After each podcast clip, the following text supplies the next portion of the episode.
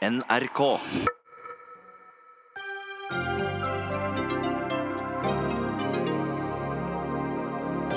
Etter statsbudsjettet har vi hørt om kutt for folkehøyskolene, dyrevern, frivilligheten, fri rettshjelp, pendlere, elbilsubsidier og medisiner. Kutt, kutt, kutt. Demonstrasjoner og protester.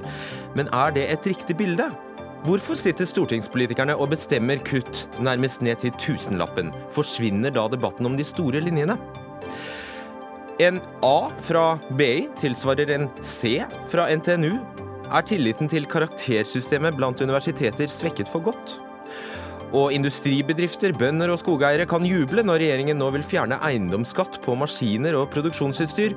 Kommunene fortviler og varsler krise.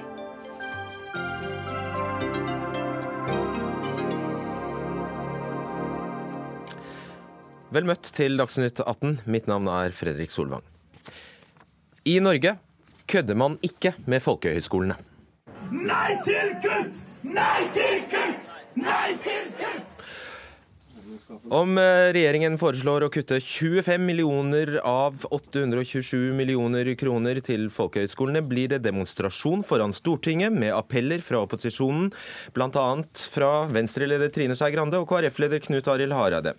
Det som derimot ikke har kommet like tydelig fram de siste dagene, er at kuttet på 25 millioner rammer såkalte kortkurs på mellom 2 og 94 dager. Det er typisk kurs i sang og kor, dansing, håndarbeid, drama, revy, kulturreiser, linedancing, bridge og meditasjon. Over halvparten som går på kortkurs, er over 50 år. Øyvind Brandt, leder i Folkehøgskolerådet. Informerte du og dere Knut Arild Hareide og Trine Skei Grande om det jeg nettopp sa nå, før de holdt appell? Ja, Vi har vært tydelige på, på, innretningen. Det vi også er tydelige på, er at Nå kunne jeg nevnt mange andre kortkurs. Det er allmenndanning vi driver med i folkehøgskolen, og det er for alle aldre. Det er Stortingets intensjon, og det er det som står i loven. Hvilke tall var det du presenterte for dem når det gjelder kutt? 45 eller 25? 45, det, men vi summerer tre tall, og det har vi også presentert. Og det er de 25 som står i statsbudsjettet, blir kuttet. Og, og så har vi eh, sagt at det kan man ikke med dagens regler gjøre på kortkurs. Da må de gjøre en endring i, i, beregningen av det, og da får det eh, følge for skolen. Da har de drevet på falske premisser. Så er det 11 millioner, så er det 11 millioner på, på, studiestøtten, og så er det 9 millioner vi mangler pga. flere elever. Nå sa jeg nettopp at vi forsøker å gjøre det litt pedagogisk. Du legger altså 25 millioner eh, først, som står i statsbudsjettet. Hva er det du legger på toppen av det? Ja, Så står det også i statsbudsjettet 10,8 millioner eh, fra studiestøtten. Hva betyr det? Ja, Det betyr at de vil redusere studiestøtten med 10,8 millioner. eller Det har de beregnet eh, i regjeringens eh, departementet. Til andreårselever, står det. Og så er det Til andreårselever, det betyr at de som går på to år på folkehøyskole, nå får kun ett? Ja, det er det de legger opp til. Og det kaller du et Og det, det, det er i din bok? Det er beregnet til 10,8 millioner. 11 millioner der. Og så det siste? Så kommer det siste, og det er eh, at uh, pga. økt elevtall så mangler det 9 millioner i statsbudsjettet. Uh, elever du har hatt, eller ja. elever du får? Nei, Skolene får på bakgrunn av de elevene de har hatt, og da mangler det 9 millioner hvis de skulle hatt... Og det er penger du er lovt? Det, ikke, det, har vi aldri sagt. Vi har sagt at uh, vi mener det skal være 9 millioner. Dere mener det skulle ha vært 9 ja, millioner der. Hvordan kan du kalle det et kutt, da? Uh, skolene mangler 45 millioner når de uh, skal Hvordan kan du kalle det et kutt, når det, du aldri har blitt lovet disse millionene? I det vi har sendt ut for Folkehøgskolerådet, står det ikke kutt. Det står at det mangler 9 millioner i forhold til økt Så akkurat det kaller du ikke lenger et kutt? Jeg har aldri kalt det et kutt. Ok. I går så vi unge surfere på Dagsrevyen som protesterte på disse kuttene, for det er vitterlig kutt. Eh, Henrik Asheim, fungerende kunnskapsminister eh, fra Høyre, og de ungdommene der, der sa at de trengte dette friåret. Hvor smålig er det ikke å ta 25 millioner til et så oppbyggelig tiltak som folkehøyskolene på et budsjett på 1350 milliarder kroner. Ja, det er kjempesmålig. Det er det. Ja, jeg syns ikke det i det hele tatt. Og jeg, synes, jeg, er glad for at det bare kom veldig tydelig frem nå at det vi snakker om er 25 millioner på et budsjett hvor folkehøyskolene får 821 millioner på utdanningsbudsjettet vårt. Og som du helt riktig sier, det vi foreslår å kutte, det er støtten til disse kortkursene. Eh, I går så ble jeg møtt med veldig mange argumenter. Det var også veldig tydelig på alle appellene som ble holdt, at det er veldig viktig med folkehøyskole, det er viktig at folk får et friår osv. Helt enig. Derfor bruker vi 821 millioner på det. Men generasjon prestasjon er ikke først og fremst 50-åringer som reiser på temareise eller lærer å danse. Og Derfor så sier vi at det som er folkehøyskolenes primære oppgave, er nettopp å tilby et år på folkehøyskole for de som ønsker det. Det får de penger til å gjøre, akkurat som i fjor.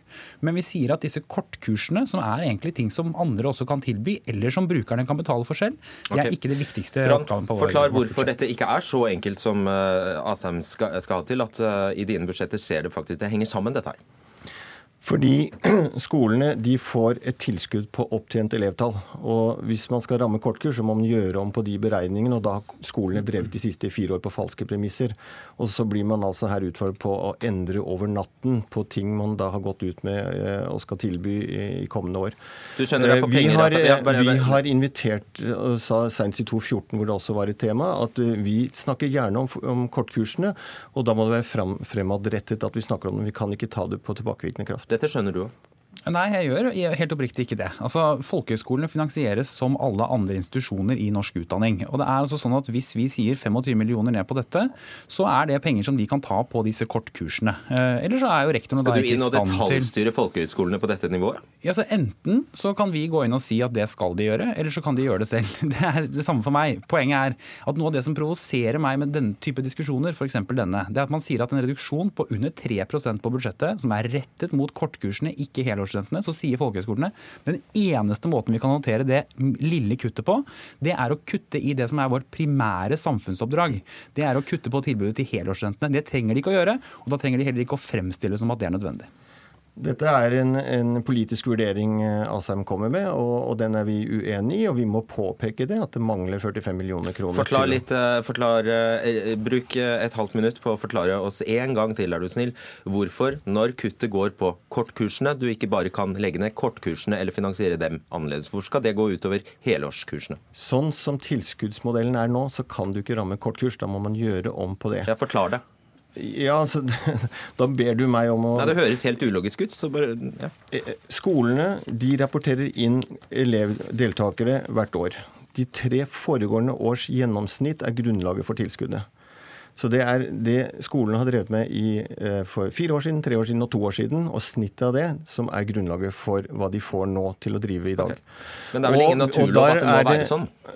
Ja, men Da må man gjøre om på tilskuddsmodellen, og det er jo en forskriftsendring. og Det kan vi være med på å snakke om, men det, nå er det jo bare et eh, kutt på statsbudsjettet, og det vil ikke kunne ramme kortkurs uten å gjøre om på beregningene. og Dermed så har skolen også drevet falskt. Eh, Henrik Asheim, det er faktisk to folkehøyskoler som bare driver med kort, kortkurs. Hva har du tenkt å gjøre med dem? Nei, De kan finansiere kortkursene på andre måter. Altså, Vi oppretter jo også flere folkehøyskoler. sånn at det er jo ikke sånn at vi reduserer på posten som sådan. Men kortkurs er ikke folkehøyskolenes primære oppgave, og da mener vi at det kan finansiere på en annen måte. Og jeg må si at De partiene som nå sitter og sier at dette skal de reversere med en gang, vel, da må de også redegjøre for hvor de skal ta 25 millioner fra utdanningsbudsjettet for å finansiere kortkurs for hvor flertallet er over 50, 30% er over 60 år av de som bruker dette. Eh, og så mener de at det er viktigere mm. enn andre viktige tiltak. Stemmer det, Øyvind Brandt, at de fleste er over 50 år og kanskje pensjonister? 53 eh, er over 50 år, men det er ikke det som er poenget. Poenget er at folkehøyskole er for alle uansett alder, bakgrunn og hvor de kommer fra i landet.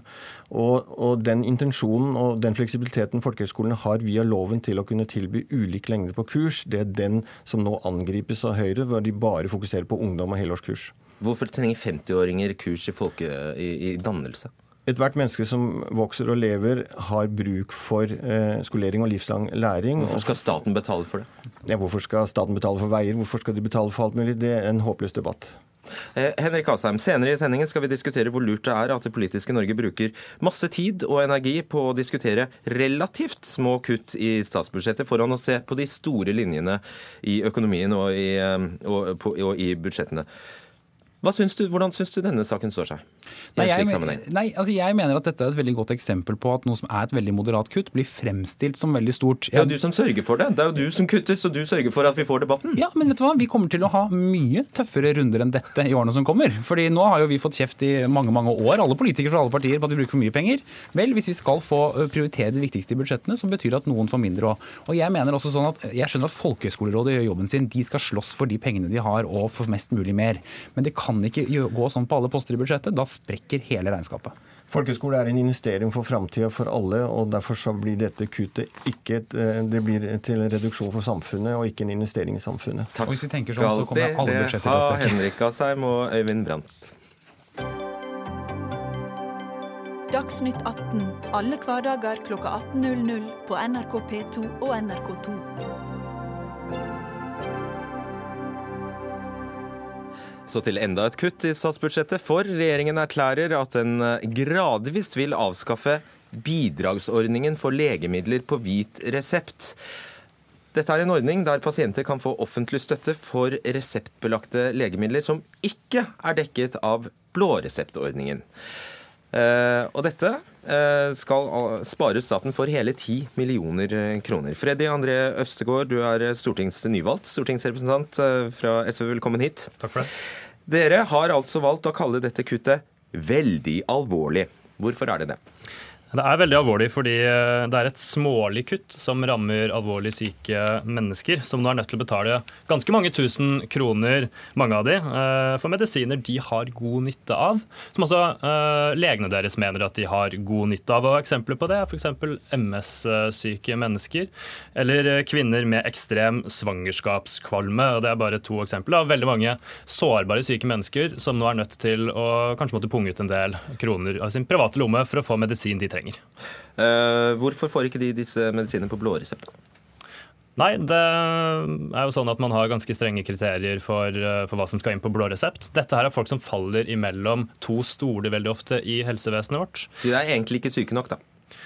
Ja, Det får du spørre Høyre om. Vi Nei. mener at f.eks. MS-syke mennesker eller kvinner med ekstrem svangerskapskvalme er syke nok til å få et offentlig dekka tilbud. Problemet er at de faller mellom to stoler. Denne ordninga her er et uh, sikkerhetsnett for alle de menneskene som ikke får uh, dekka noe andre steder, og det er verdt å ta vare på. Ja. Sveinung Stensland, eh, du er stortingsrepresentant, sitter i helsekomiteen fra Høyre. For det første, bare forklare oss forskjell blåreseptordning og det, ja, det er ikke hvit resept, men dette er en bidragsordning. Forklar oss forskjell. Bidragsordningen er en, en veldig gammel ordning som oppsto lenge før blåreseptordningen, der, der da enkeltpasienter kunne gå til sitt lokale trygdekontor og søke om støtte for ting de ikke hadde råd til sjøl. Så kom blåreseptordningen, og bidragsordningen ble, den ble opprettholdt. Stortinget hadde dette som voteringstema i 2016, og da var det ni representanter på Stortinget som stemte for å opprettholde bidragsordningen som i dag. Eh, det var et formidabelt flertall som stemte mot det forslaget. Og Begrunnelsen er? Begrunnelsen er at vi trenger en opprydning i eh, blåreseptordningen, hele ordningen med finansiering av legemidler. Dette er en del av en større opprydning som, som skjer i blå... Hvordan tror du de MS-syke og svangerskapskvalme føler, føler det når du sier at vi må rydde litt? Det, det, det, er veldig viktig å få fram at de som er i ordningen allerede, de, de mister ingenting. Det er en gradvis avtrapping. og De som allerede... De kommende MS-syke og de kommende ja. svangerskapssyke, da. Ja, De vil få dekka gjennom blåreseptordningen. I tillegg så... De får jo ikke det. Ja, Det er jo hans påstand. Det stemmer jo ikke. Det, dette er legemidler som er, blir overført nå til sykehusfinansiering. Og der er det gode ordninger i dag. Så, så jeg syns det er litt trist at SV bruker denne anledningen til å skremme folk med at de ikke får medisin, for folk vil få behandling. La oss bare oppklare i det mm. først som sist, Øvstegård. Det var slik at regjeringen egentlig hadde tenkt å bare gjøre kål på denne ordningen først som sist, fra 1.1. Mm. Men nå viser de altså at de, jo, de har jo tatt inn over seg kritikken. Ja, eh, det kom jo en storm av reaksjoner på dette forslaget fra regjeringen, som gjorde at de skal man si, midlertidig stansa forslaget sitt. Men de har nå sagt at den skal avvikles. Og så er det sånn at de eventuelt nye som skulle komme inn i ordningen, ikke får lov til det lenger. Og så må jeg bare arrestere representanten på, på, på en ting her. fordi det er ikke sånn at disse menneskene naturligvis går over i uh, blåreseptordninga. Vi har fra svar fra helseministeren selv. Han sier, skriver her at en kartlegging utført av Helsedirektoratet i 2016 viser at det trolig er få av legemidlene det i dag gis bidrag til, som oppfyller prinsippene for prioritering, og som er aktuelle for blåreseptdekning. Hva skal de gjøre da, Stensland? De som i dag er inne i ordningen, vil fortsatt være i ordningen ordningen. Det er snakk om ikke ta inn nye i ordningen. Ja, det sa du selv. Hva skal Også, de som eh, har disse diagnosene, hvis, som ikke kvalifiserer for blå resept, gjøre? Det er ikke snakk om at pasientene kvalifiserer, det er snakk om at legemidlene skal kvalifisere. Stortinget har blitt enige om, mot noen veldig få stemmer. Ikke prøv å forvirre oss, du skjønte spørsmålet. Ja. Hva skal de pasientene gjøre? De pasientene som er i ordningen, forblir i ordningen. Og i framtida vil det bli sånn at legemidler som har effekt, vil komme inn på blåreseptordningen eller i sykehusfinansiering. Dette er det Hva skal de pasientene som trenger disse medisinene som ikke er på blåreseptordningen, som i dag er på bidragsordningen, gjøre? Hvis det, som i dag er på bidragsordningen, Det er ingen legemidler som er på bidragsordningen. Bidragsordningen er en individuell ordning der du sjøl søker, søker om ja. ditt legemiddel. Mm. Det er det som er hovedproblemet med hele ordningen, at den er ikke forutsigbar. Den gjør at du får et uforutsigbart system som ikke er likt. Og jeg vil jo tro at SV var opptatt av likhet. Her er det faktisk et system som går på ulikhet, for det er forskjellig tradisjon i forskjellige deler av landet om hva som blir tatt opp på bidrag. Eh, blåreseptordningen er utvidet, du er klar over det, Østegård? Ja, det er den. Men eh, spørsmålet mitt tilbake da til representanten her er om dere kan garantere at alle de som i dag får dekka store og nødvendige helseutgifter over denne ordninga, vil bli henta inn av andre ordninger. Kan dere det? Det har jeg jo sagt nå tre ganger at de som er i ordningen, de forblir i ordningen. De ja, men, som har fått godkjent. Men den skal avvikles? Samme skal avvikles. Har vi utvida blåreseptordningen, som programlederen er inne på. Men kan dere garantere det? At de, de som da... kan ikke SV garantere heller, det er jeg helt sikker på. fordi at dette er uansett. De, kan bli okay. de som allerede er der, kan bli kastet ut om noen år. Du vil ikke utstede noen garanti for det. Og de kom, det, det, vi vedtar, det det du sa? Det vi vedtar i statsbudsjettet, er at ordningen fortsetter for de som er inne i ordningen. Ja, og de som ikke er inne i ordningen? Det, det, ordningen forsvinner jo. Det blir blåreseptordningen eller sykehusfinansiering. Eller ingenting. Og det er det Stortinget har sagt vi skal gjøre. Og det skal være forutsigbart, og det skal være basert på prioriteringskriteriene som hele Stortinget stemte for. Mm. Hvorfor det, gjør du dette her når det er ti, skarve ti millioner kroner å spare på? Vi gjør det fordi vi vil ha en opprydning i et system som i dag er en jungel av ordninger. Vi vil ha en blåreseptordning som er forutsigbar. Okay. Samtidig så øker vi bagatellgrensen fra 5 millioner til 25 millioner til 100 millioner, som gjør at ting veldig mye raskere vil komme på blå resept. Så egentlig så er dette en utbygging av blåreseptordningen. Svar kort på det, Øvstegård. Det viser jo hele problemet at her står det nå ganske mange mennesker, 3500 mennesker med ganske store utgifter til nødvendige medisiner, og er usikre på om de kommer til å bli dekka eller ikke dekka for å få de medisinene. Det gjør helsesystemet mer rigid. Den er SV som skaper ja, nei, gjennom å påstå noe som ikke stemmer. For de som er i ordningen, forblir i ordningen. Nei, men den skal er... avvikles etter deres forslag. Ja, men ikke for de Hva skjer med de da? Takk skal dere ha, Freddy André Øvstegård og Sveinung Stensland.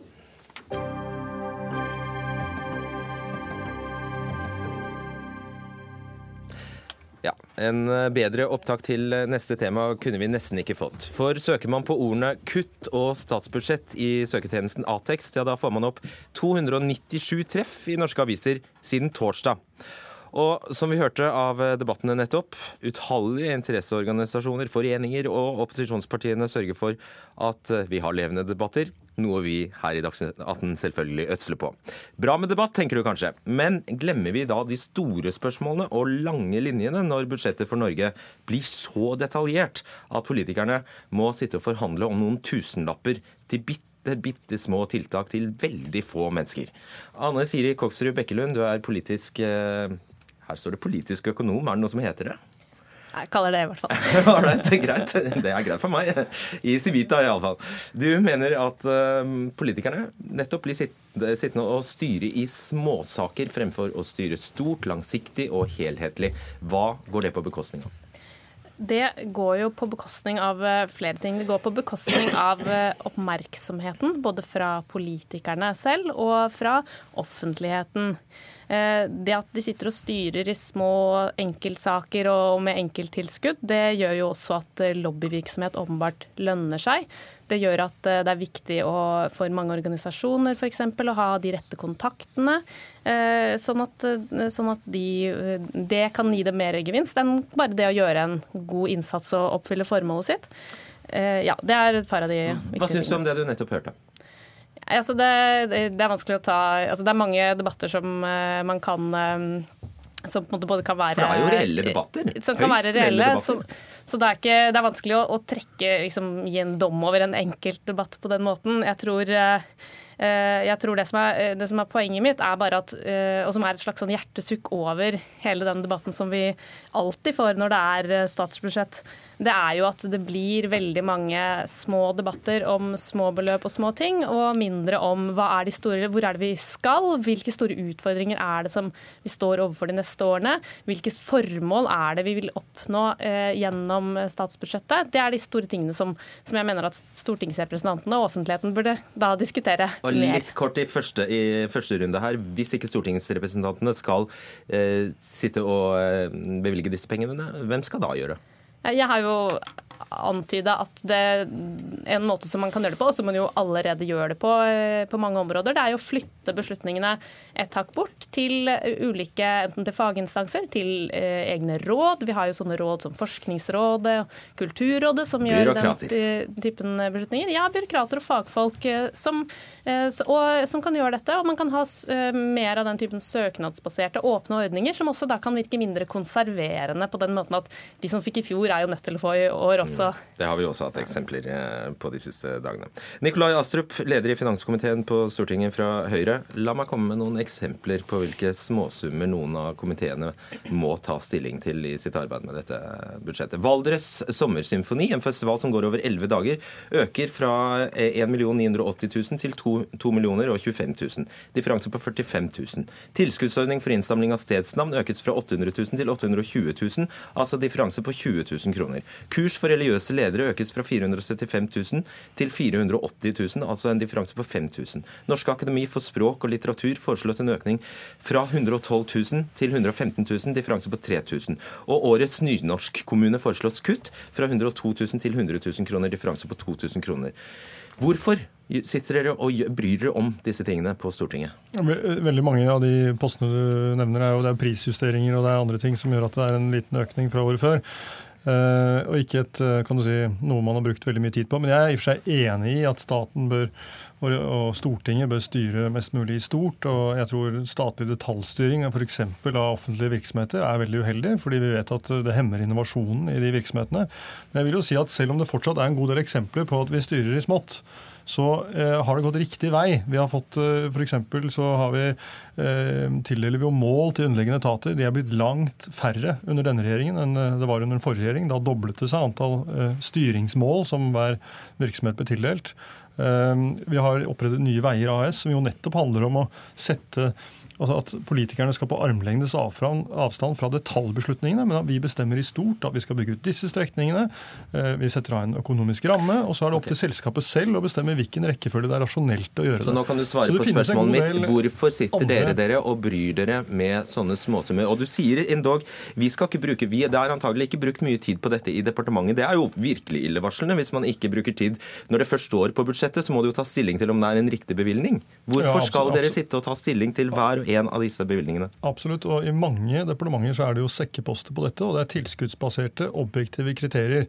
Altså, eh, man søker, Det er en sånn type festival. Da vil da søke f.eks. Kulturdepartementet om støtte, og så får man tildelt basert på objektive kriterier. Det er en veldig fornuftig måte å gjøre det på. og det er Mange av de kuttene som har blitt kritisert de siste dagene, som er mindre eh, kutt, er jo er under eh, Landbruksdepartementet, hvor det er en rekke organisasjoner som har historiske årsaker, ligger på budsjettet, men hvor det ikke er nettopp objektive, etterprøvbare kriterier. Du svarer ikke på spørsmålet hvorfor skal dere sitte og ta stilling til så små summer? Nei, jeg, jeg, mener at uh, Mye av dette er historisk betinget og har ligget der hele tiden. og Det er vanskelig å endre på over natten. Men det, jeg nevner jo også mange eksempler på at det går i riktig retning. Og at vi f.eks. har økt kommunenes frie inntekter, slik at ja. de selv kan prioritere de som har skoene på, kan prioritere pengene best. Bekkelund, man har jo selv for en stortingspolitiker med stor kapasitet, formoder vi, så er det begrenset hvor mye man rekker over, rett, rett, og slett. Og de plikter vel egentlig å gå inn i disse bevilgningene og, og vurdere om det er riktig? Ja, Det håper jeg da det gjør. Men, uh, men, det som selvfølgelig er Og jeg har veldig stor uh, tiltro til våre flotte stortingspolitikere, skal bare si det. Men, det. Uh, men, men, det handler jo om de fordelene du har eh, ved, ikke, eh, ved at ikke enkeltrepresentanter og stortingspartiene skal sitte og vurdere det enkelte tiltak ja eller nei, men at du heller har, som, nevner, som det blir nevnt her, ordninger hvor det er noen, som, eh, noen objektive kriterier, og hvor alle som mener de har en god løsning på et problem, eller har et godt forslag til hvordan man kan gjøre det, kan være med, kan søke, sånn at du kan få inn nye eh, krefter, og du kan bruke pengene på en best mulig måte. Det er jo det det handler om. Hvis du skulle anslå, eh, Astrup, eh, det er jo som Bekkelund sier her, at dette åpner jo for mye lobbyering. altså Det er veldig mange da som vil banke på din dør. Hvor mye, hvor mye av tiden din tror du du bruker på sånne besøk? Nei, Det er klart, eh, det å lytte til gode innspill det, bruker, det er en del av jobben vår. Så ja. det skal vi gjøre. Det er en del av det åpne demokratiet. Og jeg vil si at i Norge er vi veldig godt stilt. At det er liten avstand mellom folk og politikere. Hvis du sånn skal anslå cirka hvor mye?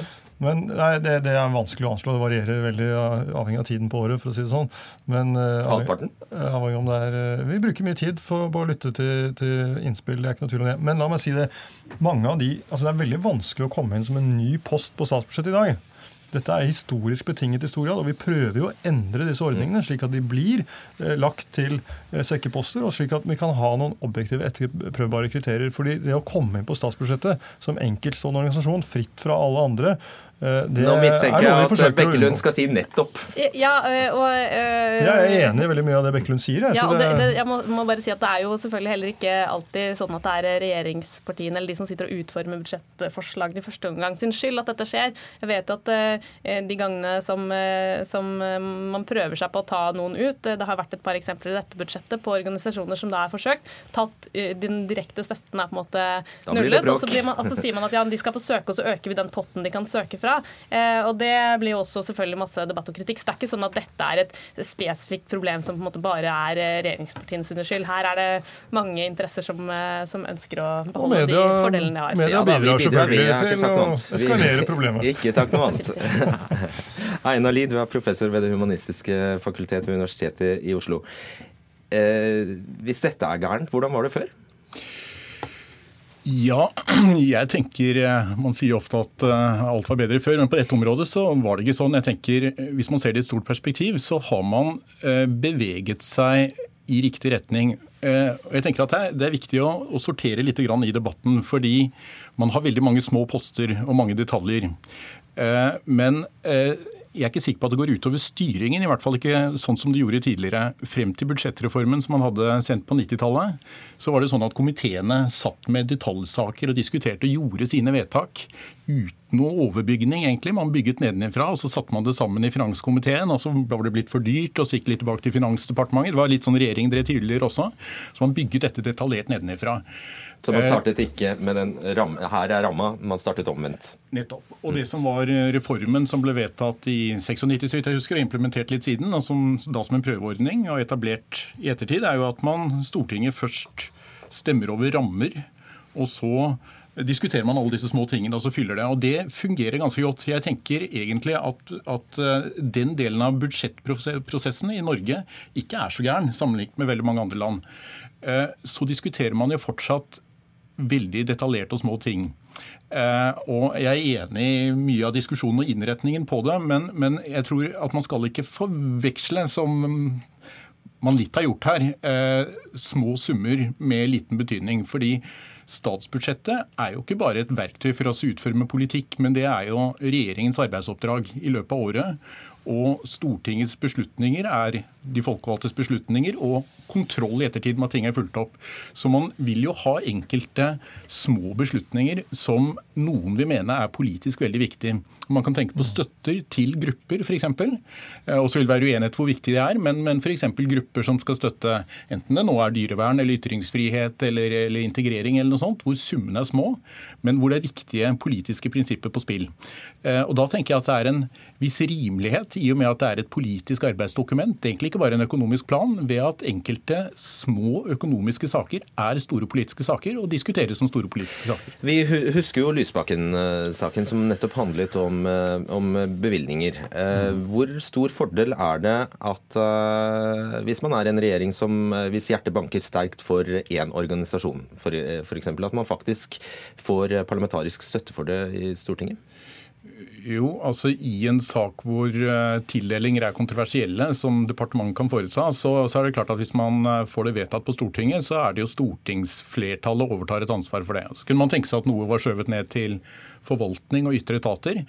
Men da, da er det alltid en vurdering med har dette liksom et rent forvaltnings- og ekspertpreg, eller ligger det politikk i det? Ligger det politikk i det, så vil man gjerne tenke seg at det skal ligge politisk ansvar eh, bak det også. Og da er det vanskelig å unngå at det kommer på en eller annen måte inn i et av disse dokumentene som skal diskuteres politisk og besluttes politisk. Mm. Statsbudsjettet vårt har doblet seg på ti år, fra 770 millioner kroner i 2008, da, nei, da Kristin Halvorsen var finansminister, til Milliarder. Unnskyld, hva sa jeg? Ja, milliarder, selvfølgelig, til 1350 milliarder i 2018. Hvilken betydning har det? For det vi snakker om nå. Eh, det tror jeg, det er jo riktig at det er blitt mindre detaljert, men jeg tror det er vanskelig å gjøre det mindre detaljert når det er stadig mer penger ute og går. sånn at eh, det er klart at man hatt en situasjon hvor man sanerte, så tenker jeg fort at man ville hatt en, en helt annen eh, utvikling. Men hvis jeg kan legge til én ting, siden vi nå sitter i et rom for pressen og diskuterer dette, så tenker jeg at, at mye av det problemet som fortjenstfullt blir pekt på, eh, ligger egentlig på altså, hvilke saker som blir store og hvilke som blir små i den offentlige debatten. Og der tenker jeg at det er Nei, Nå vet jeg ikke om jeg liker hvor dette bærer hen. Hvis jeg skal få lov å si noe kritisk, så tenker jeg at det er, ikke så mange journalister som leser statsbudsjettet på egen hånd, og som vet hvordan man skal snu opp ned på det.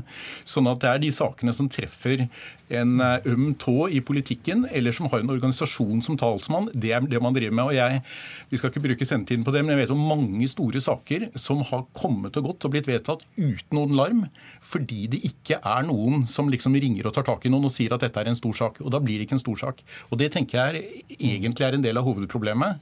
Ikke at man diskuterer små summer, men av det som blir store saker i offentligheten.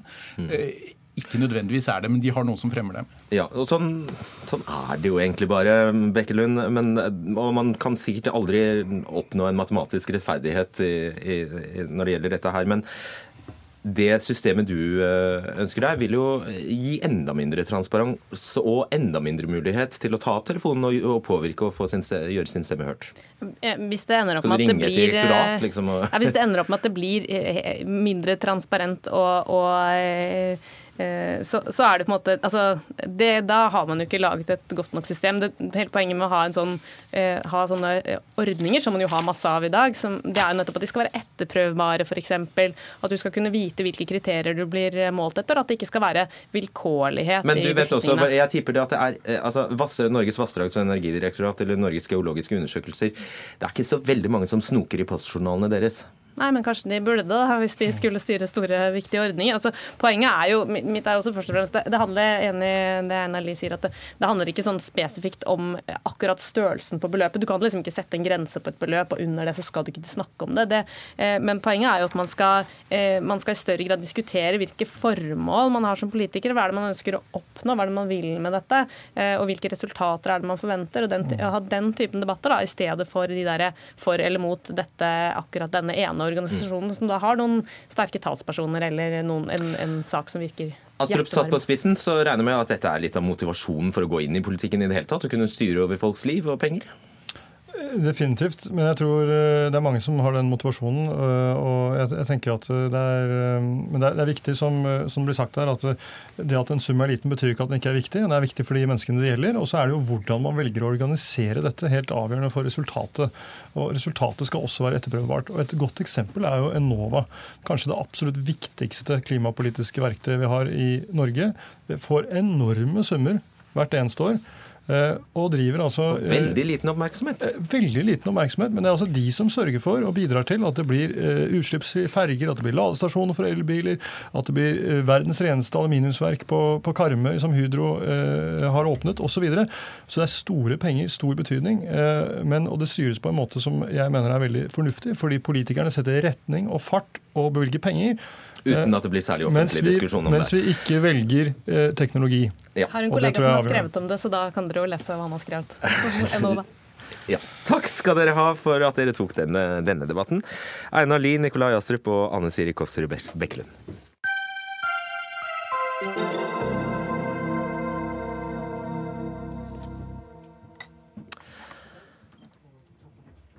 Hvordan har det seg at NTNU-studentene som gjør det bedre på nasjonale eksamener, gjør det dårligere når det er skolens egne sensorer som vurderer dem, mens det er stikk motsatt for BI-studentene?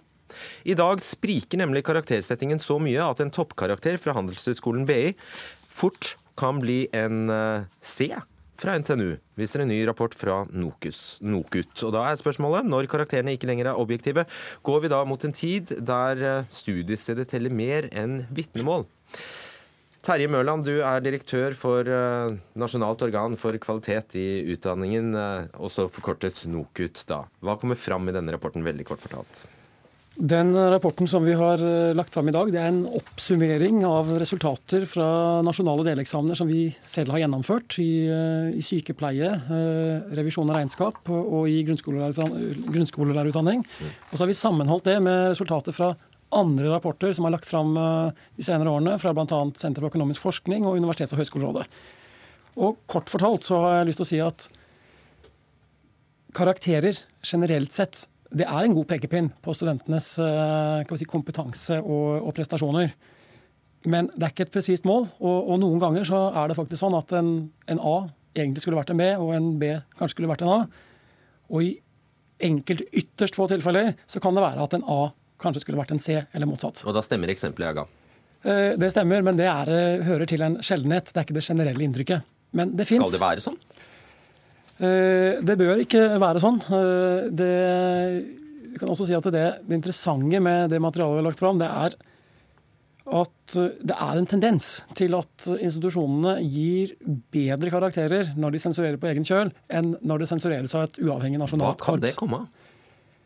Det er kanskje ikke så rart, eh, i og med at et sensur det gjøres av personer. Og Det betyr det er mange skjønnsmessige vurderinger som skal inn. Eh, det kan være én grunn, eh, men det kan også være en, en, grunn at på noen Du sa nå at du er min student, jeg liker deg, det er vi har felles interesse av at du får en god karakter. Var det det du sa? Det var ikke akkurat det jeg sa, men det kan nok være et innslag av det også. Men det som i hvert fall kan være en bekymring, det er når vi ser at det er tendenser til at det kan være lettere å få en god karakter på, på studier som rekrutterer svake studenter, enn på studier som rekrutterer gode studenter. Og det gjør Handelshøyskolen BI, altså? Ja, det kan man ja. si. Monica Rolfsen, dekan og professor på Universitetet for økonomi hos uh, eh, NT... Uh, unnskyld, hva sa jeg nå? Professor på Fakultetet for økonomi ja, hos NTNU i Trondheim. hvordan forklarer du dette? Eh, for oss eh, på NTNU så er jo det aller viktigste at vi har god kvalitet i alle våre studieprogram. Eh, vi har et slagord. Vi sier at på NTNU så er det vanskelig å komme inn. Det skal være enda vanskeligere å komme ut. Og det, De tallene som er lagt frem i dag fra, fra NOKUT, viser jo at det har vi jo på langt vei lykkes med. Vi er opptatt av en karakter hos oss skal henge høyt. Et vitnemål hos oss er et verdipapir, og vi skal ha god kvalitet. Så hvordan forklarer du spriket? Vi ser akkurat den samme tendensen internt. at eh, våre, så det, det, det handler om, er nok bl.a. at ved NTNU Handelshøyskolen så er det vanskelig å komme inn. Våre studenter har eh, fem i snitt fra videregående. Vi stiller tøffe krav, og vi vurderer deretter. Vi våre, vi har et bachelorprogram som dette eh, eksamen er henta fra, og så har vi en master som vi tar opp studenter fra hele landet. Og Vi har også gjort egen undersøkelser som viser at de egne studentene fra Handelshøyskolen vår gjør det bedre også i masterprogrammene enn de som kommer fra andre, eh, andre okay. program. Så det, det, bare bekrefter inntrykket. Ja, det bekrefter det inntrykket, bare. Ja, det er greit. Hva, hvilke, hvilke, konsekvenser får det da at det er så stort eh, sprik? Hvilke ulemper får dere? For vi får vel ikke så veldig mye ulemper Studentene, da. Studentene har jo den ulempen at, eh, som det ble pekt på i starten her, at uh, en A ikke er en A overalt. Og det blir da nesten mer viktig å se på hvilken institusjon man kommer fra. Og Det er jo en tendens man ser i mange andre land, og det vil jo være uheldig på et eh, overordna nasjonalt nivå. Sånn at NTNU-studentene da stiller eh, svakere enn eh, BI-studentene fordi de rett og slett går ut med dårligere karakterer? Det vi opplever, er nok at mange arbeidsgivere også ser på hvor vitnemålet kommer fra. Så en, en A eller en B eller en C fra NTNU henger høyt. Og det, det har vi fått mye tilbakemelding på fra, fra arbeidsgivere. Så hvis okay. det her fortsetter, så vil nok det være en tendens at uh, institusjonen blir viktig. Det... Vil vi virkelig ha det sånn, Mølland? Dette er, høres helt engelsk eller amerikansk ut? At du tar stilling til arbeidsgivere begynner å se på hvor du har utdannet deg? Uh, du sier 'begynner å se på'. Uh, Kanskje de gjør det allerede? Ja. Jeg tror at arbeidsgivere gjør det allerede. Jeg tror man både ser på karakterer som en indikasjon på hvor studenten står, men så ser man også på andre ting, bl.a. hvor man har studert, og man vurderer også andre forhold ved kandidaten. Men vil vi ha det sånn, spurte jeg? Eh, jeg tror vi har det sånn. Jeg tror rett og slett at eh, vi må realitetsorientere oss selv. Det er ikke noe det, er ikke, det vil være naivt å tro at vi kan gjøre karakterer til et presist mål. Men vi må jobbe for at det ikke skal være for store forskjeller. Fredrik Knutsen Hegdal, du er leder i BI studentsamfunn. Altså, hva, hva syns du om dette her, hvis det er sånn at dere gjennomgående får for gode karakterer? Dere fortjener egentlig ikke de karakterene dere får, så, så er vel ikke det egentlig noen tjeneste? Kanskje snarere en bjørnetjeneste gjør dere? Mm. Eh, mye skal nå til for å, å, måle kompetansen til en student. En eksamen er jo en øyeblikksvurdering som, som resulterer i en karakter. Eh, når det gjelder nasjonale prøver, så er det jo flere momenter som spiller inn i resultatet. Bl.a. hvordan man legger opp prøvene med pensum, eh, forskjellig fokus, klasseromstørrelser osv. Det som er viktig å få frem er at en utdannelse er jo så mye mer enn en nasjonal prøve. En utdannelse handler om hvordan man gjør studentene best rustet for arbeidslivet og de utfordringene som møter der. Eh, gjennom min institusjon BI er jo et tydelig fokus på f.eks. tilretteleggelse av ferdigheter, utvikling av skill, tilby attraktive internship, eh, aktuelle gjesteforelesninger, utviklingsmuligheter og kvalitet i utdanningen, og så mye mer. Eh, så går rett og slett på at Man må se på utdannelsen mer enn kun karakterene på et vitnemål, og det tror jeg også de fleste arbeidsgivere også ser. Men du, det koster nesten 200 000 å ta en eh, bachelor i revisjon på eh, BI. Når, dere, altså, når BI konsekvent gir eh, elevene der for gode karakterer, så betyr jo det rett og slett at man kan kjøpe seg til gode karakterer? Nei, absolutt ikke. Jeg tror studentene som, som velger å investere i en utdannelse på BI, ser nettopp de momentene jeg akkurat kommenterte. Um, og jeg tror det rapporten egentlig, i, i min oppfattelse av rapporten, så er det rett og slett et, et, en oppvekker eller en, en påminning om at det er viktig å, å, å ha en, en, gjennomgang på, på, hvordan vi vurderer studentene, sånn at alle studenter som får en karakter, og arbeidsgivere som ser på studenter som har et vitnemål, kan være trygge på at den karakteren eh, gjenspeiler et, et, et kompetansenivå. Uh, la meg spørre deg, da, Monica Rosen. Er det en sammenheng mellom disse 200 000 kronene og uh, karakterene? Det skal ikke jeg ha noe synspunkt på, hvordan det gjøres eh, andre plasser. Det vi er opptatt av hos oss, er å holde en høy inntakskvalitet. for vi sier at Det er nok det aller viktigste. Er det vanskelig å komme inn, får du gode studenter, så er det også lettere å bygge gode studieprogram og få en god kvalitet i materialet, de som kommer ut. Men ok, Hvis du ikke vil ta stilling til det, så kan du ta stilling til om dette fører til at studenter velger skoler som har snill karaktersetting. da. Det kan du ta stilling til. Jeg, har ikke noe inntrykk av det. Eh, jeg er opptatt av, jeg tror studentene velger eh, etter kvalitet. De er opptatt av å få en god utdanning som er relevant for arbeidslivet, og det vil de få flere plasser i Norge. Men, men jeg ser jo også at man velger veldig mye ut fra de karakterene man har, hvor man da har mulighet til å komme inn.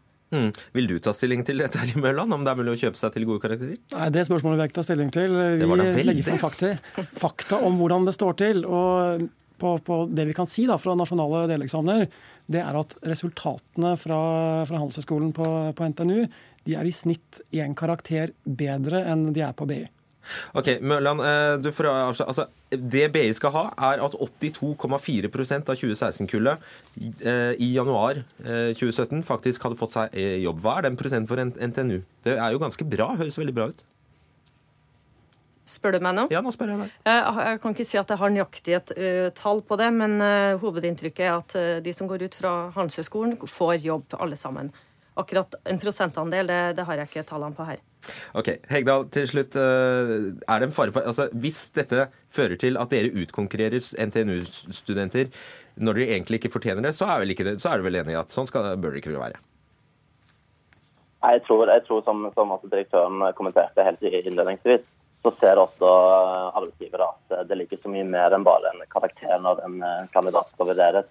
Eh, de ser på ting ved siden av som studentforeningsarbeid, relativt og politisk erfaring, institusjoner har med. Så, så, jeg tror en, å basere en, en, en, sånn oppfatning basert på en, en, enkelt rapport med enkelt nasjonale prøver, tror jeg blir, blir vanskelig. og jeg, jeg, jeg tror arbeidsgiver ser, ser verdien av, av kompetanse mer enn bare karakteren i vitnemålet. Ja, den litt skrinne telefonkvaliteten der skyldes uh, at uh, jeg tror du faktisk er i Australia, stemmer det?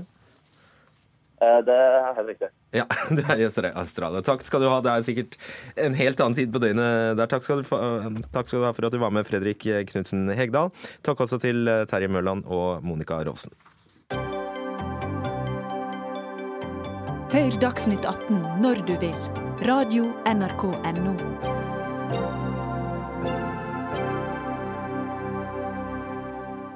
La oss si at du har flyttet til en ny by og er på utkikk etter en fastlege. Du har få venner eller naboer å spørre om anbefalinger, men du er interessert i å finne ut hvilke legekontor som er mest tilgjengelige og imøtekommende. Blant annet vil du vite om du lett kan bestille time på nettet. I stedet for å ringe rundt, kan du nå gå inn på Forbrukerrådets sider, for dere har tatt denne jobben, eh, forbrukerdirektør Randi Flesland. Hva var det du ville undersøke, og hvordan gikk du fram? Jeg ville, akkurat sånn som du sier, være en vanlig forbruker som var på jakt etter en ny fastlege og lette etter informasjon. Og den informasjonen ville jeg sjekke hvor tilgjengelig var den. Hvor imøtekommende var kontorene, og hvor digitalt tilgjengelig var den. Så vi eh, testet da nettsidene. Vi ringte, vi sendte SMS og gikk på e-post. Og vi fant ut at eh, en fjerdedel av legekontorene har ikke nettside. Hva? Ja, det er, De er faktisk sant. De er ikke på nett. Eh, og halvparten av de nettsidene fortalte ingenting om legene sine, og det var jo det jeg var på jakt etter. Eh, fire av ti fortalte ikke på nettsidene sine i hvert fall at de hadde digital timebestilling. Eh, Vi så faktisk at halvparten var på Facebook, og det er jo bra på generell informasjon. Men når 79 legekontorer da tar helseopplysninger via Facebook Messenger, da er det liksom varsko, varsko, personvern, ikke gjør det. Eh, Så det var en del av de tingene vi målte. Men vi så på telefon, så var det faktisk veldig bra. Altså, okay. når, vi, når vi ringte, og de svarte, så var de veldig imøtekommende, veldig positive. Men det var i det minste godt. Ja, Det var godt. det var godt. Ja. Petter Brelin, leder i Norsk forening for allmennmedisin. Dette er ganske dystre tall. Dette hadde vært dystre tall hvis det hadde vært riktig, men av en eller annen grunn så viser det seg at Forbrukerrådets undersøkelser er ikke helt riktige. Det er eh, sånn at eh, de aller fleste nå har Forbrukerrådet lagt ut disse resultatene på nett, sånn at vi kan søke på dem. Og i løpet av dagen i dag har jeg fått en rekke henvendelser fra fastlegekontorer som, eh, der de oppgir at deres legekontor, der er det ikke funnet noen nettsider, det er ikke funnet anledning til å bestille time, det er ikke funnet anledning til å drive med e-konsultasjon, mitt legekontor inkludert. Men det er altså tilgjengelig. En eh, lege skrev til meg at jeg googlet legekontoret mitt for å være på den sikre siden. Det dukket opp, Min hjemmeside dukket opp som den første eh, svaret på Google. Og hvordan Forbrukerrådet da har klart å lage denne undersøkelsen, det er litt vanskelig å forstå. Den er i er- hvert fall ikke representativ. Nei. Nei. Eh, Vi har jo drevet med denne type tester i årevis, nærmere 60 år i Forbrukerrådet. Vi driver med kommunetester, så vi er Har ganske vel ikke drevet med tester på internett i 60 år? Nei, men, eh, men vi har eh, kommunetester som vi gjør på akkurat samme måten. Vi er mystery shopper, vi er forbrukeren. Ja, hvordan forklarer du akkurat dette her? Nei, altså, det konkrete feil? Ja, Det kan godt hende at det kan være én nettside som vi av en eller annen grunn har gått glipp av. Men det som er saken, er at det, selv om de kan ha tjenester, hvis det ikke syns på nettsiden, så er det hva jeg kaller hemmelige tjenester. Så gi meg som forbruker, når jeg bare går inn på nettsiden, så vil ikke jeg finne at de har disse timebestillingene. Og da for meg så er det som om de ikke har det. Eh, Så det som jeg er litt opptatt av, er jo faktisk at man må komme videre og si OK, her har vi et forbedringspotensial. For vi vil ikke henge ut noen, vi vil bare at de skal bli bedre. Akkurat som vi ser med kommunene. Okay. De blir bedre når de blir testet. Se bort fra disse mm, henvendelsene du har fått i dag, da, eh, Brelin. Så er vel dette, det er vel et poeng. Hvis det er, hovedbildet stemmer, så er vel det noe å Ja, ta tak og i? så tror jeg ikke hovedbildet stemmer så godt. Eh, For vi har noen alternative undersøkelser som er gjort med eh, tanke på hvor mange legekontorer som tilbyr pasientene sine timebestilling på nett. E- Resept på nett og e-konsultasjon på nett. Og De to andre undersøkelsene tyder på at det er mellom 80 og 90% av fastlegekontorene som tilbyr disse tjenester på nett, mens Forbrukerrådet da finner 60 Sånn at disse, eh, Dette peker litt i alle retninger. og det er absolutt sånn at det er et forbedringspotensial, og særlig på hjemmesidene. Og Da må vi tenke på at de aller fleste henvendelsene fra, eh, til et fastlegekontor, det kommer fra pasientene, mens her kommer det en henvendelse utenfra. De fleste fastlegekontorer de informerer jo pasientene Hvilken rolle spiller det? jo, det spiller den rollen at når vi eh, kontakter pasientene våre, så åpner vi opp helt andre informasjonskanaler. Og det tror jeg er viktig å forstå. Når eh, vi registrerer en pasient, da får hun eller han anledning til å logge seg inn på okay. disse Så hvis du har innloggingen, det er egentlig det du sier, hvis du har innloggingen, du så er det mye lettere. Da har du faktisk tilgang, til Flesland. Og det er jo helt, helt søkt å late som noen detter ned fra månen og plutselig vil ha fastlege. Det er faktisk ganske ofte at du vil enten bytte fastlege, at du flytter osv. Så, videre. så det hjelper faktisk ikke at du har disse murene. At du faktisk må gi deg hen før du får lov å bruke disse systemene. Jeg har for øvrig bedt om å få disse andre undersøkelsene. De har ikke kommet. Men det er sant at har du pålogging, så er du inne. Det ja, men da er du jo ikke på jakt etter fastlegen. Da har du jo valgt fastlege. Da er du jo far beyond. For hvor er det du egentlig kan lete etter kunnskapen om fastlegen nå? De fleste går på legelisten.no, og der har du en sånn poengskala, sånn à la TripAdvisor. Kan være litt skeptisk til hvor saklig den er. Eller så må du gå på ryktebørsen for å faktisk få informasjon om legene. For det ligger så utrolig lite ute på nettsidene. Så hvis jeg vil til det legekronen, så vil jeg gå inn på den nettsiden og så vil jeg finne ut hva slags menneske er dette her, da? Hvilke undersøkelser er det man gjør? Hvilke ja. undersøkelser er det man ikke gjør? Hvordan er universal utforming? Altså All denne informasjonen som er viktig for meg. Har jeg småbarn, så er jeg opptatt av det. Har jeg eldre foreldre, er jeg opptatt av det. Og den informasjonen vil jeg ha på nettsiden. Og det er så enkelt å få til. Det er små grep. Og de flinke, de får det til. Og, og det vil si, veldig, si at de flinke. Ja, og da er det en veldig snodig reaksjon fra dere i, i, Norsk forening for allmennmedisin at dere ikke bare omfavner dette her. I stedet så det angriper dere undersøkelsen. Eh, nei, ikke hele undersøkelsen. For her er det noe som er riktig. Eh, og det er at vi kan absolutt bli bedre på disse nettsidene våre. Hjemmesidene våre kan bli mer informative. Men så er det jo sånn at eh, nordmenn de eh, trenger ny fastlege sånn omtrent hvert tiende år. Det er ganske stor stabilitet mellom pasient og lege. Sånn at dette har ikke vært noen stor prioritert oppgave for fastlegekontorene. Nå har vi fått en påminnelse. Nå skal vi gjøre nettsidene våre bedre. Og så er det påstandene om digital kommunikasjon mellom pasient og lege lege. De er vi da uenige, og det er bare det vi angriper. Og så er vi veldig glad for at Forbrukerrådet viser at den viktigste kommunikasjonskanalen, telefonen, den er vi gode til å ta. Ja, var, Da vi, er nesten ringen sluttet, faktisk, for det var der du begynte, Flesland. Vi sier tusen takk til dere, Randi Flesland og Petter Brelin.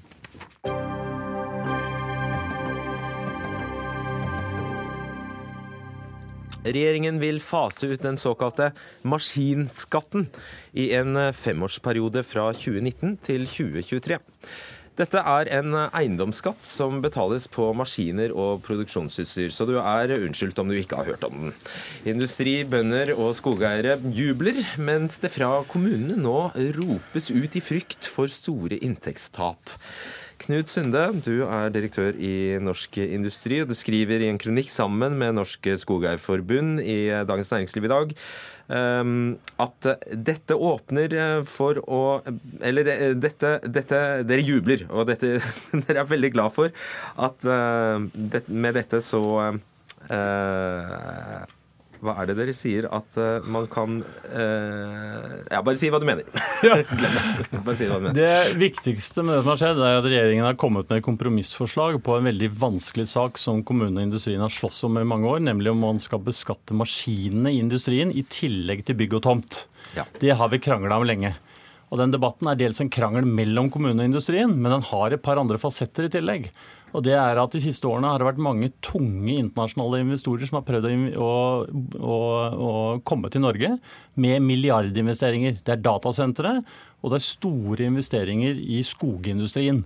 Som skal etablere biodieselanlegg til fly. Og de skremmes av denne skatten? Nei, de, de greier ikke å beregne skatten. Det er ingen som kan fortelle dem hva den skatten blir. Og dette er det eneste landet i Europa som får internasjonale investeringer som, hvor investorene ikke får vite hva skatten blir, for den er helt uforutsigbar. Er det Joker Nord, eller er det Ja, det er nesten det. Og derfor så skyr i Norge. Og vi har konkrete eksempler på bedrifter som får beskjed om at det er et sted mellom 7 og 70 millioner kroner. Og da legger de inn det verste, for det må de for å ha ryggen fri. Og så sier de det er for mye. Og det det fører til, er at da begynner de å deale og sette seg ned og prøve å tilpasse seg i ulike kommuner med ulike forutsetninger. Men eh, når sånn skal sies, det er en øvre grense for hvor høy den nettskatten kan være? Hva det er, er en øvre grense, fordi da, hvis du tar alle maskinene og maks promille, så er det en øvre grense. Hva er den da? Det er syv promille av alt som finnes av maskiner, men da er det Syv promille? Ja. Det er jo ingenting. Av verdien av alle maskiner. Det kan bli 70 millioner på det verste. Det er et svært dataanlegg. Alright. Uh, Helge Eide, du er områdedirektør for interessepolitikk i eh, KS. Stemmer det at du roper krise, krise, krise? Vi har ikke ropt krise, men vi har påpekt altså at det gjelder innbyggerne i 384 kommuner. Eh, dette her, og det er snakk om eh, Eh, oppimot, eller kanskje 1 milliard kroner når vi kommer fem år fram i tid. Og det merkes. Det merkes i Sunndal med 22 millioner, eller i Lørenskog med 11 millioner, eller i Farsund med 17 millioner, eller i Granvi, nå, monstermassene med 1,2 millioner kroner som de lenger ikke får, eh, får eiendomsskatt for. Eh, og det er vår, vår, største bekymring, at dette her skjer. Og så syns vi at begrunnelsen her er veldig dårlig. Altså, vi forstår jo veldig godt at, at næringslivet kan ønske seg større forutsigbarhet når det gjelder hvordan takseringen eh, ja, Er den så lemfeldig som Sunde skal ha det til? Den er ikke så lemfeldig eh, som, eh, som, Sunde skal ha det til. Det er klart at norsk industri roper litt ulv, ulv for å få litt ekstra oppmerksomhet her. Men, men, men vi er enige om at det er behov for en, en gjennomgang av dette. men er den vilkårlig i det hele tatt, eller er den Nei, forutsigbar? Den, den, den, er ikke vilkårlig, men det er behov for forbedringer. Det er behov for større forutsigbarhet. Det er vi enig i. Og vi ønsker jo at dette skal skje gjennom et lovutvalg, sånn at vi kan gjøre det skikkelig ja, framfor den litt ferdige prosessen til ja. Finansdepartementet. Vi andre ok, jeg henvender meg til deg, Sunde. Vi andre trenger å forstå det her. Hvis du har en maskin, så er det vel, og du vet satsen, og du vet det er eiendomsskatt på den, så er det vel Hvorfor er det vanskelig å regne seg fram til? Fordi deler av maskinparken skal, ta, skal gå inn i skattegrunnlaget, og deler skal ikke. og det, Den grensen der er helt umulig å sette. Og Et godt eksempel er den aller siste rettssaken vi har hatt, og det tror jeg KS er enige om, hvor Nordan, en vindusprodusent, fikk alle maskinene inn i beregningsgrunnlaget. Da den tapte i tingretten, så gikk den til lagmannsretten, hvor 95 av verdigrunnlaget ble tatt ut. Det, det er liksom to helt forskjellige dommer. Og, det, og, sånn har det vært om og om igjen. Det er krangel fram okay. og tilbake på alle steder. Sånn kan vi ikke ha det. Vi kan selvfølgelig ikke ha krangel hvis det er fryktelig mye krangel, men vårt, eh, vårt inntrykk er at, at, den krangelen nok er overdrevet. Ja, det er krangel, men husk på at, at, det er i 384 kommuner dette her skjer. Og det er lang, lang, lang lang, lang tradisjon for å ha eiendomsskatt på verkebruk. Og det er ærlig talt ikke så fryktelig mye det er snakk om. Også men det stemmer, også, det stemmer også at den praktiseres ulikt fra kommune til kommune? Det er selvfølgelig alltid elementer av skjønn, og kan dette bli bedre og kan det bli mer profesjonelt, så skal vi være de første til å bejuble det. Og det, og det er jo det vi tilbyr gjennom et skikkelig lovutvalg hvor man kan man se på forutsigbarhet. For Men så må jeg få lov til å si én ting. Mens du skal fortsette å samle inn skatten mens du har det utvalget på gang? Eh, vi, vi, syns, vi syns ikke det er noen god idé at innbyggerne skal få dårlige tjenester verdt 1 eh, milliard kroner rundt omkring eh, i Norge. Og så syns vi heller ikke det er noen god idé å skulle bruke disse datasentrene som argument når, når, vi vet at, at, det er generell enighet om at disse serverpakkene ikke inngår, eller skal inngå i takstgrunnlaget. Da, da, da, skrem, ja, da, skrem, da skremmer man med noe som ikke er fakta i det hele tatt for å få gjennomslag for noe annet. Dette er bare tullball. For det siste datasenteret som har vært på Ringebu for å få det kontrollert, de har bare fått et svar i alle retninger, og vi har helt konkrete bevis på det. Og så har vi visse kommunestyrer som oppe på Østertoten med 15 mot 14 stemmer tok ut en del aktører fordi de var litt nærme. Og så har vi andre steder hvor kommunene sitter seg ned og dealer med industrien. Og det er hyggelig at de prøver å komme dem i møte, men fordi regelverket er kaotisk, så dealer de og møtes midt på treet, gang på gang. Altså, Man kan bare spørre i praksis hvor mange datasentre er det som faktisk betaler eiendomsskatt i dag eh, på, på, på, sine serverparker. Så får man et enkelt svar på det. Altså, Vårt inntrykk her Og da er svaret null? Ja, eh, svaret er at det finnes ikke eiendomsskatt som vi kjenner til på, på, serverparker i dag. Så Det vi opplever her nok her er, altså, det ligner litt på et sånt halloween-gresskar. Altså, det ser skremmende utenpå, men det er ganske hult inni den argumentasjonen. Ja, men Du kan spørre de tre investorene som prøver å etablere seg i Norge nå, hvilke svar de har fått. Det er bare kaos. Og det har det vært tydelig på, og det er store prospekter som Stortinget har sett. Ja, Kanskje ikke du har sett det? Da kan du gå til Vennesla kommune og så sjekke der i, i, hvilken grad det faktisk er blitt et, et, et problem. Okay, vet du hva som er rart, eh, Helge Eide? Det er at eh, dere i KS pleier jo vanligvis å uh, si at vi har ingen frihet, vi har ingen frihet. Alt, alle våre penger er, er bundet opp i uh, tjenester som Stortinget har bestemt at vi skal, skal yte. Vi har, ja, og regelstyrte ordninger. Vi har ingen frihet, sier dere så kommer du her nå og sier at eh, hvis disse pengene forsvinner, altså disse skatteinntektene, ja da får kommunene for lite. Altså dette henger, altså for lite penger. Men det er jo Stortinget vil jo, ikke, vil, jo, vil, vil jo, aldri at kommunene skal havne i den posisjonen at de ikke får penger til å faktisk utøve de uh, tjenestene som Stortinget har bestemt. Det vil jo ikke skje.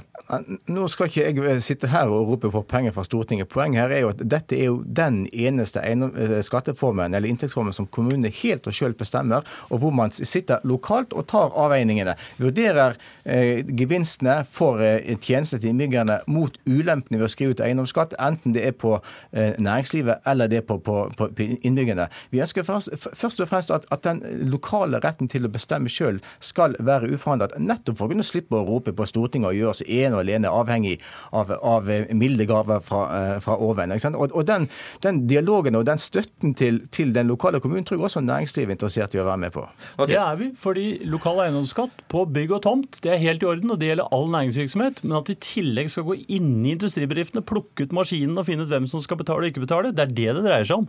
Vi er ikke noe mot lokal eiendomsskatt i det hele tatt. Bare det ikke er den type tullbånd. Du, du, får svare på ti sekunder. Det var veldig hyggelig at du kom hit og debatterte dette her. Men den, den, de du egentlig snakker til her, er, heter de KrF og Venstre, eller bare KrF, eller bare Venstre? Vi snakker til et samlet storting som har visst om dette i 10-15 år, og nå er det så kaotisk at nå er det på tide å skjære gjennom. Regjeringen har kommet med et kompromissforslag, okay. og det håper vi kan gå gjennom. Hjertelig takk skal dere ha, Knut Sunde og Helge Eide.